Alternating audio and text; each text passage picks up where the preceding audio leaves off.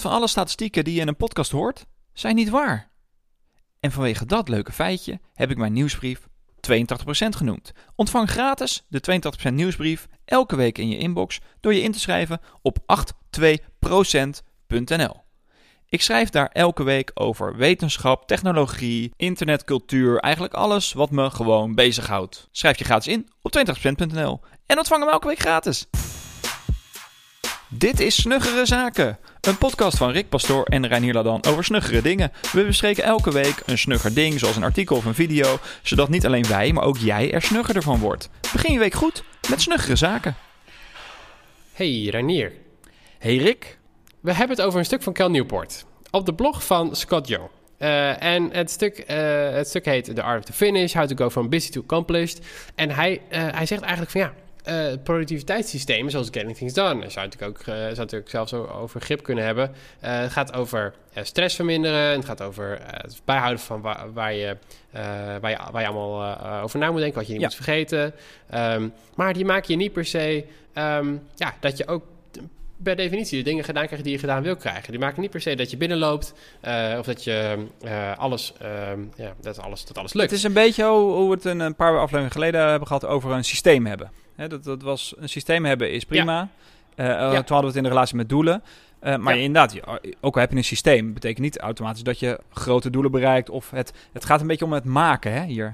Eh accomplished. Ja, eh, accom- Mensen die het gemaakt hebben. Ja, Ja, ik precies. Ik ga zo een beetje zoeken naar wat is dan de definitie van accomplished succesvol of zo. ja, zoiets, het maakt ja. niet per se succesvol.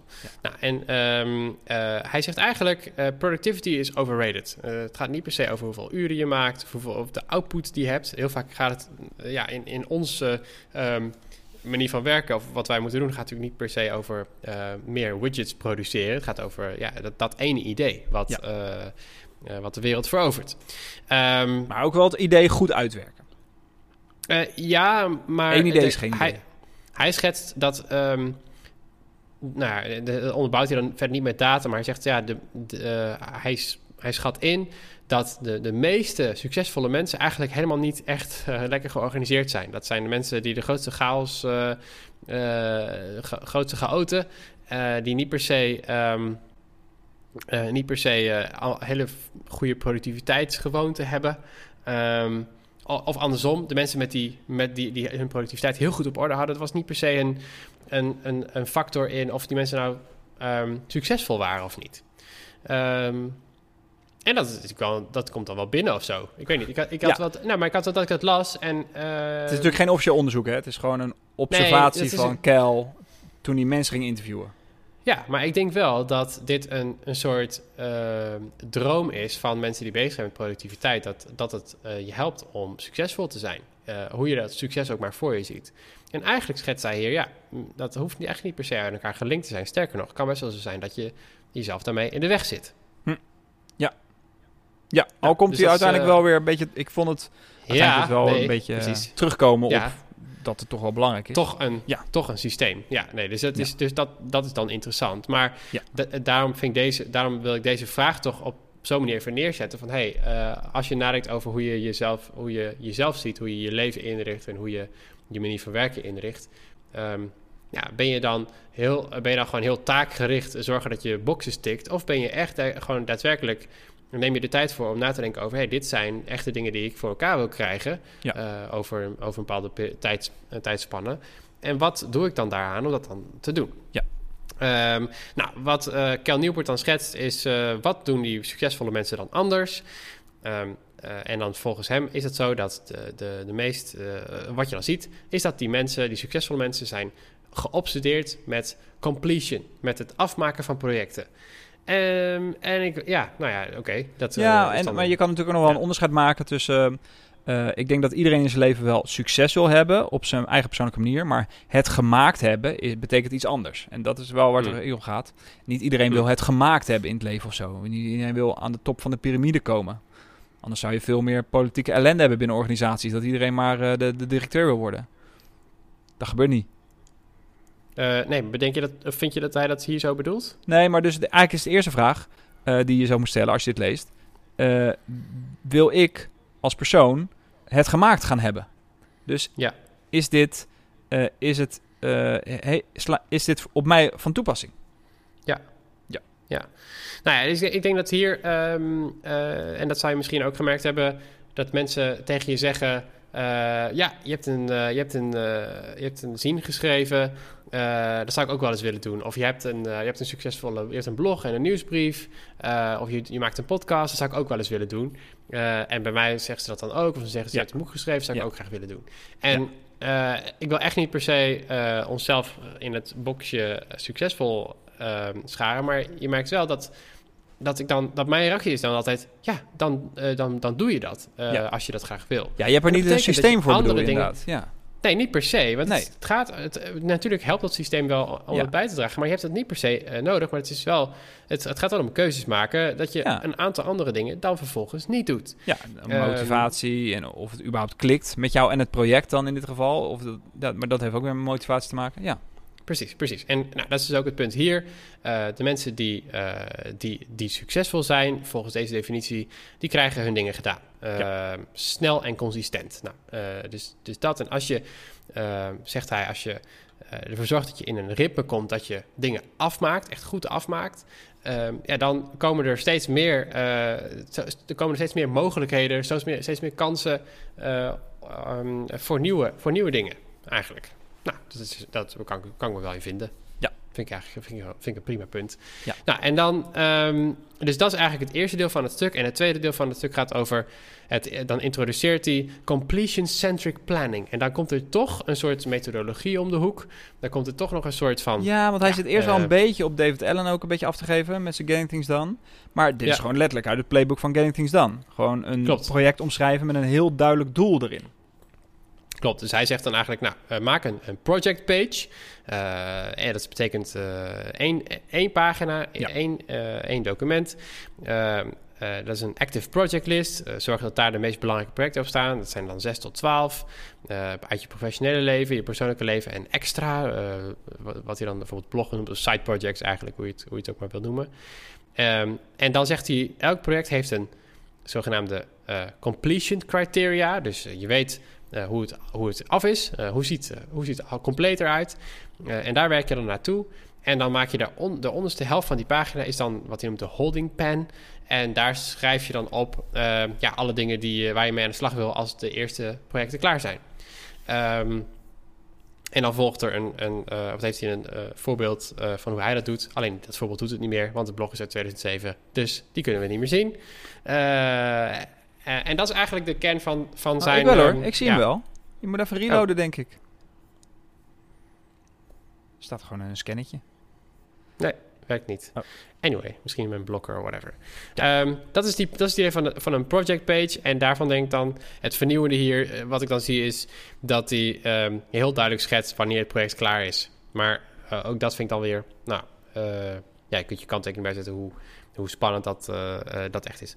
Ja, wat, vond jij, wat vind nou, jij van deze project page? Het deed mij vooral denken aan uh, wat ik dan hoor van uh, fictieschrijvers. Ik, ik, ik uh, luister wel eens naar podcasts over, met een panel van schrijvers die praten over hun vak. En ze schrijven vooral science fiction en fantasy. Um, en daarin, in die wereld, is een duidelijk onderscheid tussen twee typen auteurs. Namelijk, je hebt de outliners en je hebt de discovery writers. Hm. Discovery writers beginnen met een boek en uh, bijvoorbeeld George R. R. Martin is een hele duidelijke discovery writer. Die begint aan een boek, die heeft in zijn hoofd al zitten hoe het eindigt. Maar die gaat het liefst hoofdstuk voor hoofdstuk gaat door dat verhaal heen en die bouwt dat verhaal op terwijl die schrijft. Um, voor mij heeft George R. R. Martin zelfs een keer gezegd, of uh, volgens mij Stephen King heeft het ook een keer gezegd, dat is ook een typische discovery writer. Um, als, ik al een, als ik een outline ga maken van het, van het boek, elk hoofdstuk uh, gewoon uh, in kort beschrijf, uh, bullet points eronder hangen, dan is het voor mij geen avontuur meer om het boek te schrijven en dan verlies ik alle motivatie. Nou, dan heb je aan de andere kant de outliners. De outliners schrijven van begin tot het eind een outline. Van elk hoofdstuk maken ze een bullet point met tekst. Zelfs in de hoofdstukken per scène nog uh, bullet points met tekst. Ze schrijven helemaal hoe karakters uh, in elkaar zitten en wat de motivaties zijn, hoe de wereld eruit ziet. Dat zijn de outliners. En de outliners kunnen eigenlijk geen boek schrijven zonder die outline. Als ze zouden beginnen, dan zou het mm. helemaal in de soep lopen. Uh, mm. Zo voelt het een beetje ook voor mij dit. Je hebt gewoon, dit, niet iedereen is hetzelfde. En je hebt mensen die totaal niet functioneren uh, als ze een hele to-do-lijst voor zich hebben. Dan verliezen ze alle motivatie om überhaupt te werken. Want dan denken ze dat ze geen creatieve input meer hebben. Omdat alles al voorgekoud ja. is. En dat kan ik ook zelfs ja. wel een beetje begrijpen. En je hebt mensen Ja. die gewoon überhaupt niet functioneren als ze dat takenlijstje niet hebben. Daar, ben, hoor ik wel Nee. een beetje in. Ik functioneer niet als ik niet gewoon heb uitgeschreven wat ik allemaal moet doen om een, om een project. En ook de unknowns, want je hebt ook heel vaak unknowns in een project. Maar dat zijn ook taken. Ga achter die unknowns aan of ga, ga, ga gewoon eh, eens uitzoeken eh, wat, hoe dat zit. Ehm, daar deed het mij heel erg aan denken. Nou, ik, ik, eh, precies. En ik denk dat hij, hij geeft er dan handen en voeten aan met de daily check-in. En hij zegt dan elke ochtend kijk je naar die project page. Ja. En ik vind dat dan verwarrend, want dan zeg je... oké, maar hoe houdt dit, zich- dit zich dan tot je takenlijst of zo? Of tot, tot de rest van je systeem? Maar goed, je hebt dan die project page. Dat is dan eh, een soort van de center of the universe. En dan kijkt hij daarnaar en dan zegt hij... what's the, what's the most progress I can make towards completing this list today? Ja. Ehm, en eh, ik denk dat wij dat doen in onze wekelijkse review. Zo doe ik dat. Daar kijk je naar je lijst van projecten. En dan bedenk ik, oké, eh, klopt die nog met wat ik wil, dat, hoe die lijst eruit ziet? Wat moet er af, wat moet erbij? En hoe eh, kan ik de meeste voortgang maken in, in de projecten die ik deze week het meest belangrijk vind? Dat doe ik niet elke dag. Want ja, ik ga niet elke dag een plan maken. Ik doe dat één keer per week en dan zet, zet ik het in mijn agenda. En dat is dat mijn plan voor die week. Ja, maar Kel is Ehm, natuurlijk ook een heel bijzonder. eh, hij zit in een bijzondere situatie. Hij, is, eh, hij, hij werkt op een universiteit, hij onderzoekt, hij geeft misschien ook wel les. Maar hij Ja. zegt bijvoorbeeld ook ergens van: ja, als je klaar bent met een eh, project, neem lekker een week vrij. En denk, ja, Ja. wie, wie in de wereld, hè, in de normale mensenwereld, die gewoon als je bij een organisatie werkt, kan zeggen: oh, na dat project neem ik lekker een week vrij. En dan ga ik weer een projectje doen van een paar weken en neem ik weer even vrij. Want dan heb ik even, even mindspace nodig. Dat, zo werkt Oké, maar niet. de dat, is, dat is waar. Maar er tegenover is het misschien wel zo dat... eh, en dat geldt misschien meer in Amerika dan hier... maar ehm, de, in de bedrijven waar je veel vrije dagen hebt... nemen heel veel mensen lang niet al die vrije Ja. dagen op. Ja. Eh, dus, eh, dus je zou wel kunnen zeggen dat dit een goede reminder is... om na een intensief project Ja, eh, ervoor te zorgen... dat je zelf gewoon even die vrije dagen, die vrije Ja. tijd neemt. Die Ja, je hebt zelfs voor mij, dat is best wel hip in de start-up wereld, vooral in Amerika, dat je onbeperkte vrijdagen hebt. Precies. En daar maakt dan vervolgens ook niemand gebruik van. Ja. Precies, ja. Ja. Nou, dus de- ik vond het rest and reload helemaal niet zo gek. Soort van, ehm, maak dat af, maar neem dan ook minstens een week... ehm, en doe het, dus doe het op zijn minst rustig aan. Eh, eh, try to do a minimum of work during this time, zegt hij ook eigenlijk. Hè? Dus het kan best zijn dat je, nou, ik ga gewoon even eh, lekker mijn administratie doen een week, bijvoorbeeld. Ja, Ik zie, ja. je al heel, ik zie je al kijken, ja, daar heb ik echt zin in. Nou, eh, dat vind ik best dit leuk is, hoor, administratie doen. Ik heb Moneybird, is geen sponsor, maar Moneybird is heel fijn. Gooi je gewoon alles in, hou je even bij elke week en dan eh, hoef je in het kwartaal niet zoveel meer te doen. Nee, ja, dat ben ik helemaal met je eens. Ja, dat, is, eh, dat komt gewoon... Ja, maar da- goed, ja. Nou, dus eh, da- dat is het idee van eh, de art of eh, finish. Is, eh, als je een stap terug doet, is het eigenlijk... ehm, bedenk, ehm, als je systeem te veel is ingericht... als je manier van werken te veel is ingericht... Ja. eigenlijk op het, het tikken van boxes... dan, ehm, ja, dan kan dat een soort... ja, loze habit zijn. Want die gaat dan alleen maar over... oké, hoe kan ik dan van vandaag doen wat ik vandaag moet doen... terwijl je niet bezig bent met de bigger picture... Ehm, maak een soort project-overview, wat dan die project list is. En werk vanuit daar elke dag of elke week om te zeggen: Nou, hoe kan ik, Ja. voor, hoe kan ik zoveel mogelijk doen om dit project klaar te krijgen eh, vandaag? Nou, ik doe, ik doe eh, dit ongeveer zinnig. wel in mijn Omnifocus hoor. Want ik zet heel veel projecten waar ik de komende paar weken niet aan ga werken, zet ik ook pauze. Waardoor ze niet eh gehighlight zijn in je sidebar en ook niet naar voren komen als taken en zo. Dat werkt heel fijn. Dus ik heb maar een paar projecten actief staan altijd in Omnifocus. Heel veel buckets ook wel. Die buckets die, die komen tussendoor. Maar dat zijn geen projecten. Die behandel ik ook niet als projecten. En elk project heeft een duidelijk einddoel. Ehm, ja, dat vind ik ook belangrijk. Dus maar eh, zo één zo'n paginaatje. Ja, als je dat ergens kan eh, naar voren kan toveren. In een tekst Ja, ja. eh, editor of zo van je. Ja. Ja, ergens doe ik dat dan met mijn, in mijn kwartaaldoelen. Dus eh, de kwartaaldoelen hebben ook een soort... Ik geef daar dan een soort thema aan mee. En daar, da- Ja. dat omvat eigenlijk toch eigenlijk altijd wel van... Oké, dit zijn de meest... Dit, dit is eh, twee, drie belangrijke dingen die ik echt wil doen dit, dit kwartaal. Maar goed. Ja. Eh, dat. Nou, dankjewel. Ja, nou, jij bedankt. Verlichtend. Ja. Dit was Snuggere Zaken. Wil je meer weten over Snuggere Zaken? Ga dan naar snuggerezaken.nl. Tot volgende week.